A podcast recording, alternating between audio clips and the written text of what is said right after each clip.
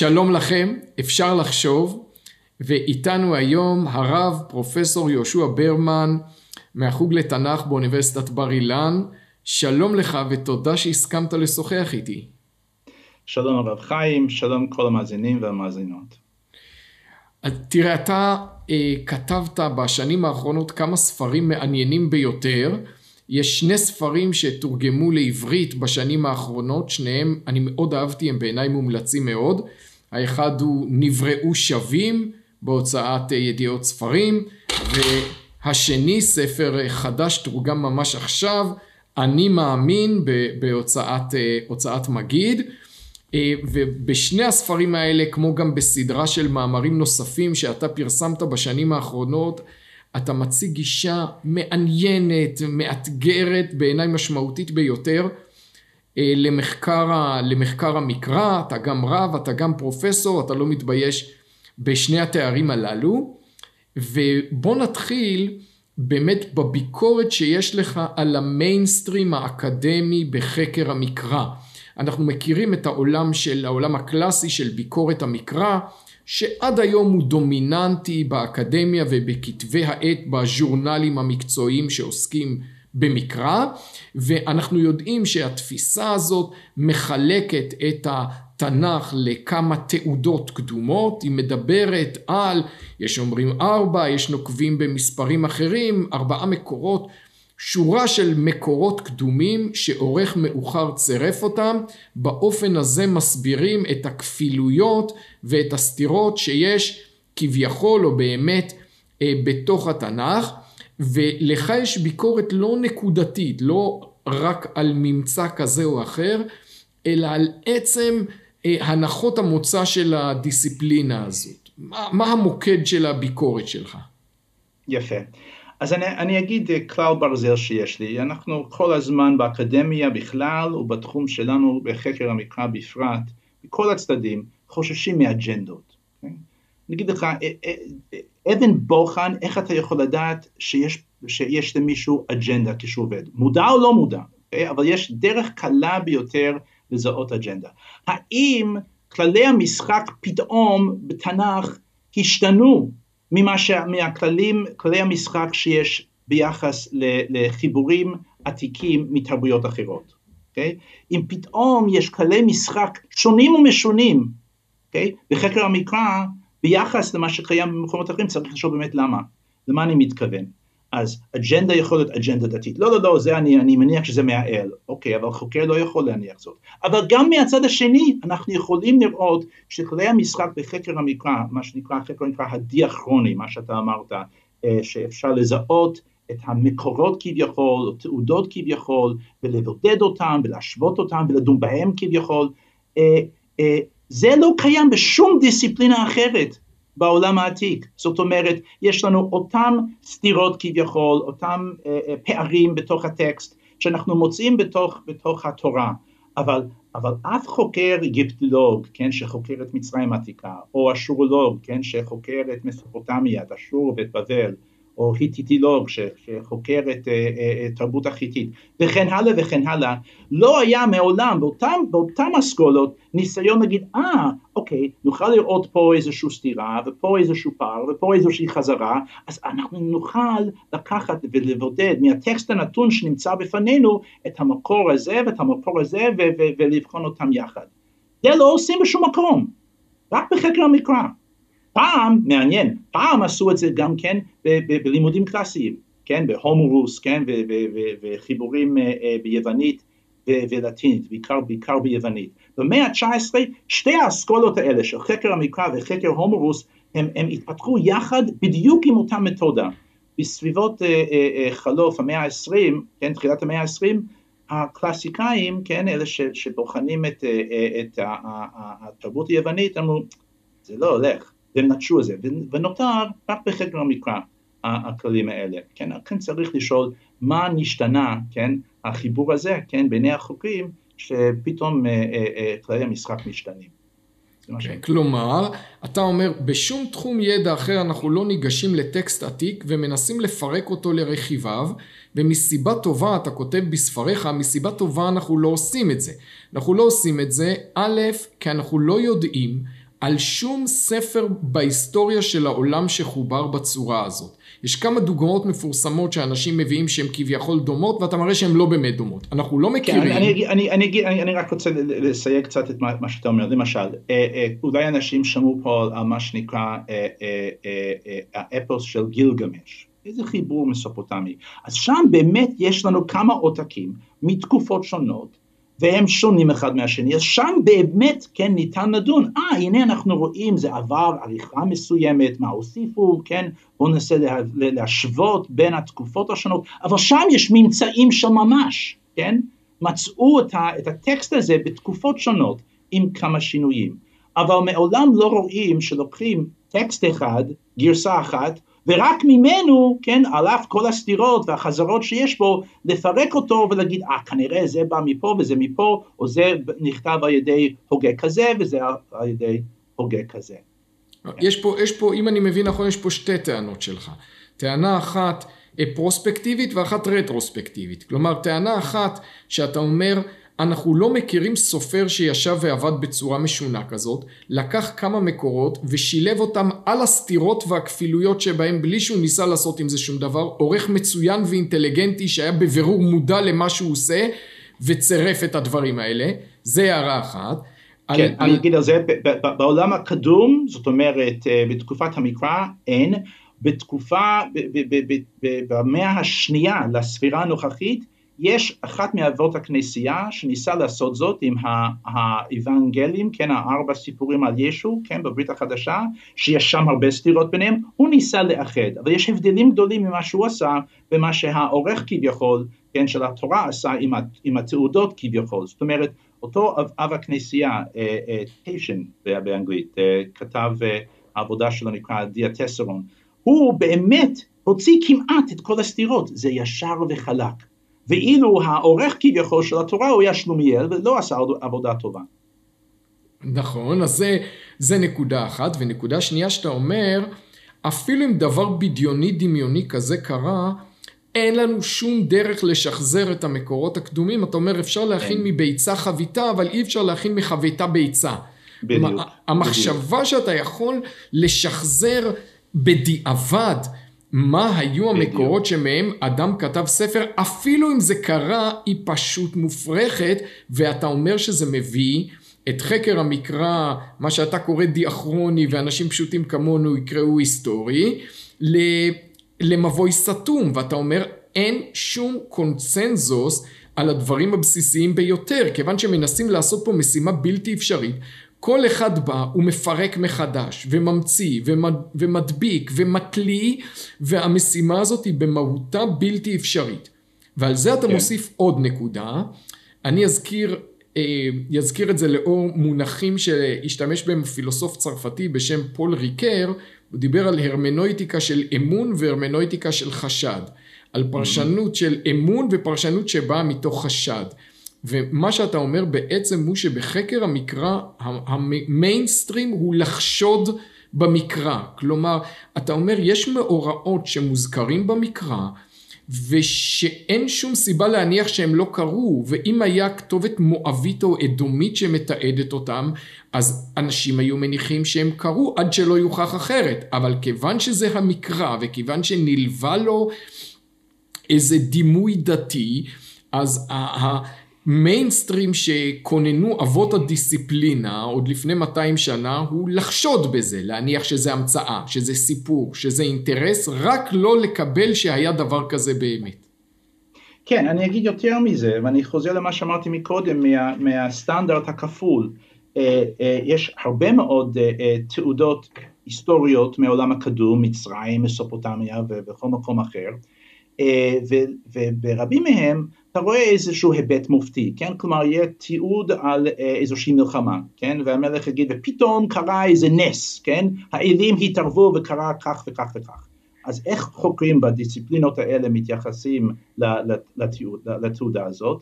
הם אומרים, אה, כמובן, אנחנו לא יכולים לקבל שהאל פתח את השמיים ופתאום, אה, אני יודע מה קרה, נס זה או אחר.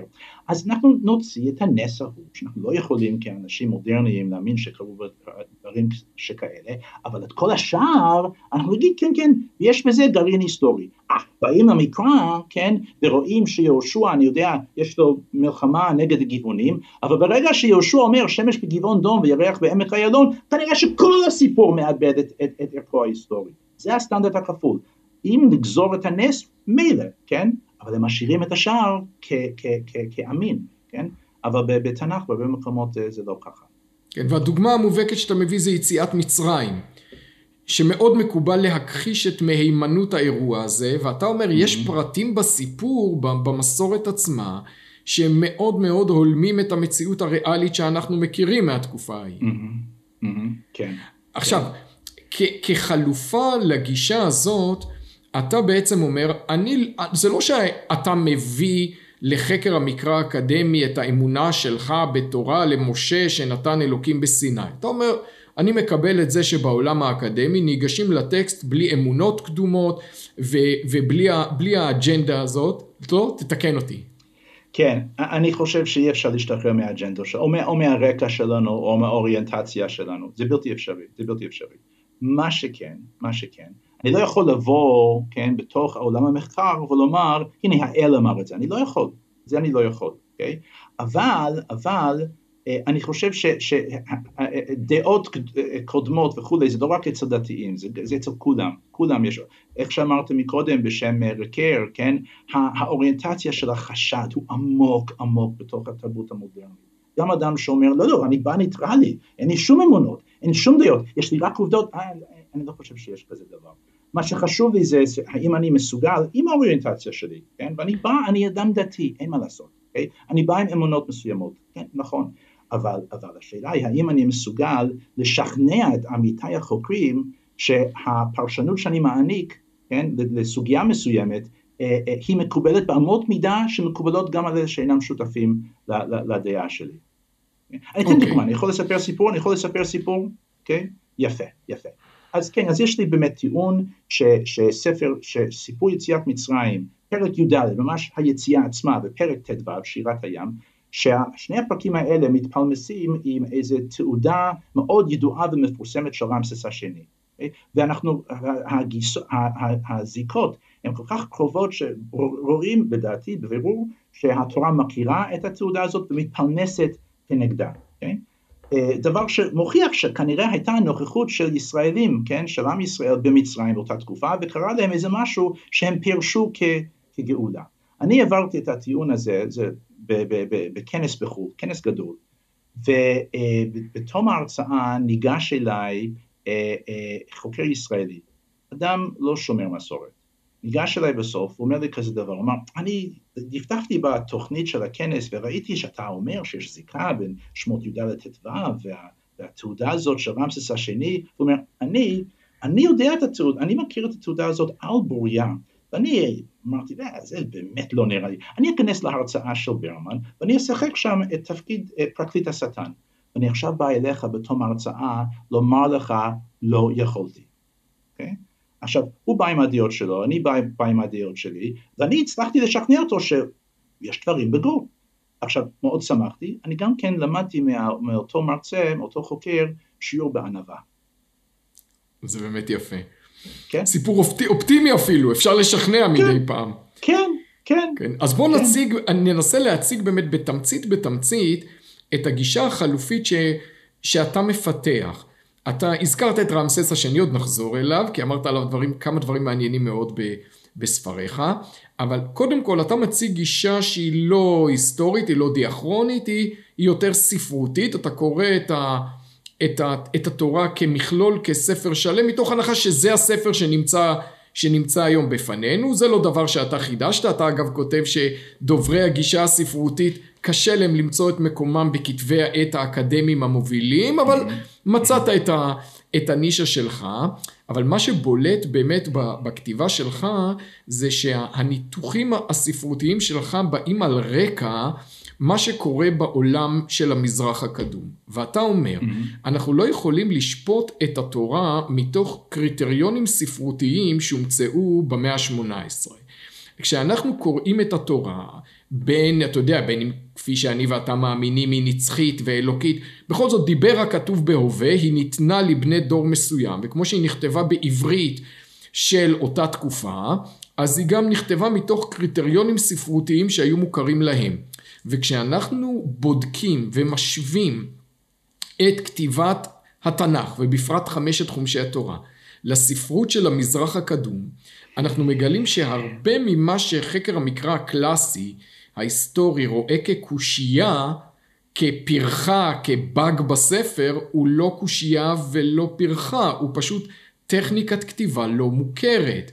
ולמשל אתה, אתה מזכיר כמה פעמים בכמה הקשרים באמת את uh, קרב קדש, דומני שבשנת 1274 לפני הספירה, אני, אני זוכר נכון, אה, קרב גדול מאוד של רעמסס הגדול, רעמסס השני, אה, פרעה מלך מצרים, שפרעה רעמסס מנצח בו, והוא מתעד את ניצחונו בכתובות שהוא מפיץ בכל האזור, ואתה אומר, אנחנו מוצאים שרעמסס מצווה על סופריו לתעד את האירוע הזה בכמה תיאורים שלא רק חוזרים זה על זה, אלא סותרים זה את זה, וסופרי רעמסס מציגים את התיאורים הסותרים האלה זה לצד זה בכתובות מלכותיות, כשאף אחד לא רואה עם זה בעיה וכולם מבינים שזאת הטכניקה הספרותית שאומרת כשאני רוצה להציג מאורע אני חוזר עליו מכמה זוויות, מכמה נקודות מבט שלא מתיימרות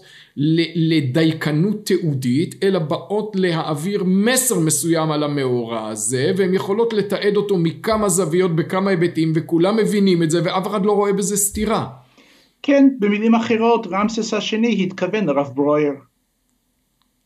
אז אתה באמת מזכיר את הרב מרדכי ברויר, שבלי להתייחס בכלל לספרות המזרח הקדום, הוא מדבר על שיטת הבחינות, שבו הוא אומר, הקדוש ברוך הוא בכוונה מציג בפנינו פרשות שונות עם דגשים שונים, אה, כי, כי המציאות תמיד מורכבת, כי יכול, אפשר פעם אחת לכתוב שבני ישראל ביקשו לשלוח את המרגלים, ופעם שנייה לכתוב שזה יוזמה של הקדוש ברוך הוא ומשה, והמציאות הייתה כנראה משהו מורכב משניהם, ולקורא בין המזרח הקדום זה לא היה נראה סתירה, הוא היה מורגל בצורת כתיבה כזאת שמדגישה כל פעם היבט אחר, כדי לחדד פן אחר במציאות. כן. אה, אה, אה, חשוב לי הרב חיים ברשותך רק להגיד דבר אחד קצת ברקע, אני יודע שיכול להיות שיש לחלק מהמאזינים בעיה עם מה שאנחנו, רגע רגע, חשבתי שהתורה שלנו היא נצחית, זאת אומרת שהיא נכתבה לפי מוסכמות של דור זה או אחר או משהו עתיק ומה מה כל הרבנים כל גדולי ישראל באמצע לא, לא יכלו להבין לא הבינו לך שורה ורק אנחנו היום ברמן וחבריו יכולים להבין? אז חשוב לי להגיד שהגישה הזאת שאני נוקט בה אה, יש לה סימוכים בתוך הספרות שלנו זאת אומרת הרמב"ם כידוע בחלק השלישי של, של מורה נבוכים לא אחת הוא מבאר את, את טעמי המצוות במיוחד לדברים שקשורים לעבודה ולמשכן על סמך דברים שהוא גילה בחומרים שהיו בידיו על עולם העתיק, כן? ואומר אה זה כנראה לקוח מכאן עם קצת שינוי, לטהר אותו קצת, לקדש אותו קצת, הוא לא חשד, הוא לא, לא היה לו חשש לרגע שזה מוריד מגדולתו ומקדושתו או נצחיותה של התורה, בכך שהוא אומר שהתורה אה, דיברה בלשון בני אדם ולקחו מדברים שהיו נהוגים באותה תקופה בדיוק כדי אה, לתאם לצרכים של דור יוצאי מצרים. גם הרלב"ג אה, אומר אותו דבר. בסוף ספר שמות הוא שואל את הקושייה המפורסמת שלמה התורה חוזרת על כל פרטי המשכן פעמיים, כן? פעם אחת בתרומת תצווה, פעם שנייה בויקל פקודי. הוא אומר זה מאוד מפריע לי כי אנחנו, אנחנו אומר בדור שלי אנחנו כולנו מאמינים שהתורה היא מושלמת וחלק מהשלמות של, של חיבור זה שאין בו חזרות שהן לא לצורך וזה ברור שהיה אפשר פה לתמצת בהרבה והוא מסיק את המסקנה הבאה הוא אומר וזה לשונו ידבר הנביא לפי המנהג. בשפה שלנו התורה מאמצת את המוסכמות של העולם ההוא זה נכון מאוד מה שאתה אומר, אבל אני כדי לחדד, לא שאני רוצה להיות פרקליט השטן, אבל אני אציג ביקורת של אה, שני גדולי רבותינו על, על התפיסה הזאת, אחד זה מורנו ורבנו, שנינו זכינו ללמוד אצלו, הרב ליכטנשטיין, אה, זכר צדיק לברכה, שאני שמעתי אותו פעם אומר שמכל כתבי הרמב"ם, בענוותו הוא אמר מכל כתבי הרמב"ם שאני מכיר, כאילו יש כתבים שלו שהוא לא מכיר, מכל כתבי הרמב"ם שאני מכיר, פרקי טעמי המצוות במורה נבוכים הם החלק הכי חלש. דווקא בגלל שהרמב"ם מנסה להסביר את המצוות על רקע התמודדות עם כת אלילית קדומה, הצבא, mm-hmm. שהיום mm-hmm. אנחנו אפילו יודעים שהכתבים כן. שהוא עבד איתם הם מזויפים בחלקם. כן, כן. ספר כן, עבודת כן. האדמה הנבטי. אתה עושה עבודה ברור במובן הזה הרבה הרבה יותר יסודית, אתה עובד עם כתבים שהם אמיתיים, אבל אני אעלה בהקשר הזה גם ביקורת שהרב סולובייצ'יק אמר בספרו Halachic Mind, שטרם תורגם לעברית, כשהרב סולובייצ'יק אומר, יש לי בעיה עם יצירת אה, תלות של מבנה דתי, מסר דתי, בשורה דתית, בסיטואציה היסטורית תלוית הקשר. הוא אומר שם, אני מעדיף את פירוש הרמב"ן לקורבנות מאשר את פירוש הרמב"ם. הרמב"ם תולה את עבודת הקורבנות בהתמודדות עם עבודת האלילים הקדומה. הרמב"ן אומר לא, זה מסר, זה בשורה נצחית. אני חושב שאתה לא נופל אה, לבור הזה של הרמב"ם, כי אתה אומר דבר פחות רדיקלי מהרמב"ם. אתה מדבר על הסגנון, לא על התוכן. אתה בעצם אומר שהסגנון הספרותי של התורה הוא כזה. זה לא רק ספרותי, יכול להיות, אני, אני, אין לי בעיה עם הדברים שהרמב"ם אומר, אני, אני, אני מאמץ אותם בש, בשתי ידיים, ואני גם כן לא חושב שזה פוגם בנצחיותה של התורה, אני חושב שלתורה יש שבעים פנים, והדבר הזה שאני והרמב"ם להבדיל, כן, שאנחנו עושים, שאנחנו מנסים לראות מה קורה בעולם, בעולם החיצוני באותה תקופה ואיך זה אולי יכול לשלוח, להשליך אור על אה, אה, אה, פסקאות פה ושם בתוך התורה, זה פן אחת, אז יש לנו עוד 69 פנים שהן נצחיות, לכן אני לא... הבעיה בשבילי לא, לא, לא מתחילה. אז אני אשאל אותך, עוד מעט נדבר על התכנים של התורה, שדווקא מתוך המתודה שלך אתה חושף תכנים מהפכניים וחדשניים של התורה, זה דבר מרתק, באמת, מועיל מאוד. אבל אפילו בנוגע לסגנון, אה, תשמע, יש קטע, אני חושב, קצת מפורסם של גונקל, אה, מחוקרי המקרא הגרמנים, שהוא אומר, לא יודע אם הוא היה אוהב ישראל גדול, אבל הוא אומר הפסוק הראשון של התנ"ך אין דומה לו מבחינת השגב והסגנון בספרות של העולם העתיק. זה לא דומה לאנומה אליש, למיתוס הבריאה הקדומי מסופוטמיה. ואני אומר, אפילו כשאנחנו מדברים במישור הסגנוני, אני אולי אני מוטה. אבל כשאני קורא את, את, את כתובת רעמסס על, על המלחמה שלו בקדש, אפילו סגנונית זה, זה נראה לי אה, פחות מרשים מה, מהתורה שלנו. בסופו של דבר התורה כן נכתבה באופן שהיא אמורה להדהד גם אצל ליבם של אנשים במאה ה-21 ובעזרת השם גם הלאה.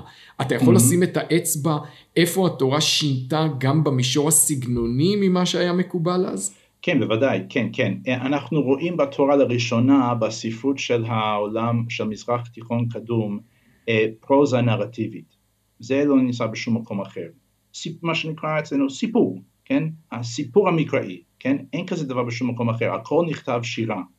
וזה מאוד מגביל, כן? אני חושב שיש טכניקות בתוך עולם הפרוזה שמאפשרות פיתוח הדמות של הבן אדם, נפשו של האדם, אה, אה, אה, גיחות לתוך נבחי ליבו של האדם, שאפשר רק בפרוזה.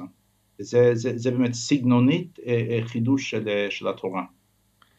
זאת אומרת, כשאם משווים את סיפור המבול בתורה לסיפור הבבלי על אותנפישתים, אז אתה אומר הדמות של נוח מפותחת בתורה באופן, למרות שהתורה מתעסקת באופן מאוד מינימליסטי בהיבטים פסיכולוגיים, היא לא, זה לא דוסטויבסקי, אתה אומר האופן שהתורה מפתחת את הדמות של נוח מעלה גיבורים אנושיים בעוצמה כזאת שאנחנו פוגשים אותם בתוך הטקסט בעוד בספרות של המזרח הקדום להבדיל, הגיבורים האנושיים הם די חיוורים. אוקיי, okay. כן, הם, אה, הם, הם סטטיים, כן, הם, אה, כן, כלומר הדמויות, הדמויות אה, אה, במיתוסים, זה כבר, וזה גם כן ביוון אותו דבר, אה, אה, איך שדמות אחת מצטיירת בתחילת סיפור, כך הוא נשאר, הוא סטטי, הוא לא מתפתח, והדמויות במקרא מתפתחות, זה דבר מדהים. טוב, תשמע, זה, זה מאוד נכון ולא ידעתי עד כמה זה יוצא דופן. יעקב אבינו גומר בסוף ספר בראשית, יעקב ישראל זה לא יעקב אבינו שאנחנו פוגשים בהתחלה.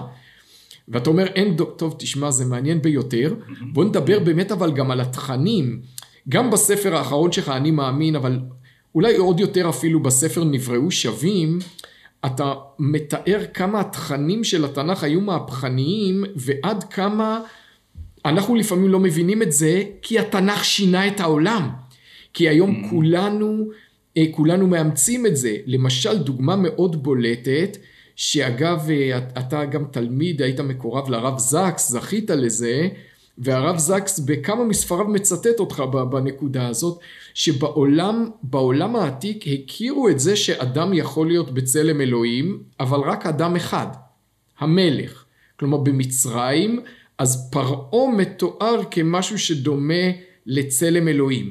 וכשהתנ"ך בא ואומר כל אדם נברא בצלם אלוהים, אתה אומר, זה, זה מסר שהוא, שהוא היה מדהים בעיני תקופתו והוא שינה את העולם. התפיסה שהעולם לא נברא בהיררכיה נוקשה אה, אה, אלילית או אלילית למחצה, אלא שהעולם נברא מבני אדם שלחיי כל אחד מהם יש ערך אינסופי, זו תפיסה שהייתה זרה לחלוטין לעולם. כן, כן, אתה צודק, כן, כן.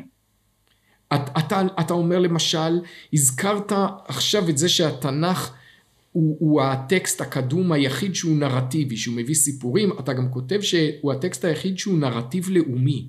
כלומר שהגיבור כן. שלו הוא העם, ולא המלך מול האל. במובן הזה אנחנו יודעים שיש בענף אחר, של, אחר לגמרי של הידע, בפילוסופיה פוליטית יש תחום שנקרא הבראיזם פוליטי, שמראה איך במאה ה-17 הוגים ליברליים פנו לתנ"ך ושאבו מתוכו רעיונות דמוקרטיים. כשהם, כשהם חיפשו איזשהו מודל שיאתגר את המלוכה ש, אה, שרווחת בזמנם, ואתה בעצם אומר, תקשיב, האנשים האלה קראו נכון את התנ"ך, זה באמת מה שכתוב בו, המלך איננו האל, המלך מוגבל, הריבונות היא של העם, כל, כולנו שווים לפני אלוקים. כן. תראה, יש, אבל אה, אני, אני כן אה, שמתי לב שבספר אה, נבראו שווים, אתה קצת מסתייג למשל מהמפעל בתחום הפילוסופיה המדינית של פרופסור דניאל אלעזר. פרופסור אלעזר המנוח, הוא לקח את מושג הברית מתוך המקרא ואמר תקשיבו זה מושג סופר פורה שיכול להיות חלופה למושג הליברלי של אמנה חברתית. ההוגים הליברליים המודרניים מדברים על זה שנקודת המוצא היא אוסף של יחידים, אוסף של פרטים, של אינדיבידואלים שחותמים ביניהם על חוזה, על אמנה חברתית ומקימים מדינה. זו תפיסה מאוד אינדיבידואלית, לא נותנת מקום לכלל. בוא ניקח במקומה את תפיסת הברית המקראית. אתה אומר, צריך לדייק יותר בהבנה מה זה הברית שעליה אנחנו מדברים. אז מה זה באמת? אה, הברית הוא בראש ובראשונה עם בורא עולם, אבל הוא, הוא מבוסס על מערכת יחסים. ברית סיני, אנחנו יודעים היום, אה, הוא, על תבנית אה, מערכת יחסים מיוחדת במינה, שכבר לא קיים בנוף שלנו. כל ההסכמים שאנחנו חותמים אחד עם השני, שכירות, עבודה, למכור רכב, בית, זה בין שווים. בין שווים, כל אחד נכנס לתוך ההסכם אם הוא רוצה, זה רצוני, אם לא נראה לו הוא לא חותם. מה שיש לנו במעמד הר סיני אה, זה, זה, זה קצת שונה, מצד אחד עם ישראל אומרים נעשה ונשמע, מביעים את הסכמתם, אבל מצד שני בואו בוא, בוא, בוא, נוכח כאן לאמת, היה להם ברירה להגיד לא, אנחנו לא רוצים, כלומר מה שהמדרש אומר שהקדוש ברוך הוא אה, אה, אמר תלה עליהם הר כגיגית אולי זה לא כתוב ברחל בתך הקטנה, אבל זה באמת מה שמשתמע מתוך הפסוקים. מצד אחד מסכימים, אבל מצד אחד לא היה להם כל כך, אה, אה, כל כך הרבה אפשר, אפשרויות כאן. מה שיש לנו כאן, אם כן, בברית סיני, זה, זה הסכם בין בלתי שווים, בין, או מה שבעולם הקדום קראו בין ריבון לווסל. ובתקופה ההיא, של שלהי האלף השני לפני הספירה, זה היה מערכת יחסים מאוד מעניינת, זה לא היה כמו מלך ונתין או אה, אה, אדון ועבדו, זה היה שותפות בין מלך חזק, ריבון, לבין מלך זוטר, והם שותפים. כללי המשחק הם, הם נכתבים על ידי המלך הריבון, בדרך כלל כי הוא הושיע את המלך הווסל, וזה מה שקורה פה, פה בתנ"ך. הריבון, ריבונו של עולם, הושיע את ישראל, ועכשיו ישראל נכנס למערכת יחסים עם השותף הבכיר, בורא עולם, ואנחנו השותף הזוטר. אבל במקור, בתדמית, הווסל שמר על ריבונותו, הוא היה עדיין מלך, היה לו מקום מכובד. וזה זה, זה, זה מה שכל כך יפה בברית סיני, אנחנו לא נתינים בלבד, אנחנו לא עבדים בלבד, אנחנו, יש לנו פן של מלכות, ממלכת כהנים, כן, אנחנו מלך וסל. ושוב אתה אומר ש... על הייחוד של הברית במקרא, כי זה המקור היחיד שבה אנחנו רואים ברית ששותף לה כל העם.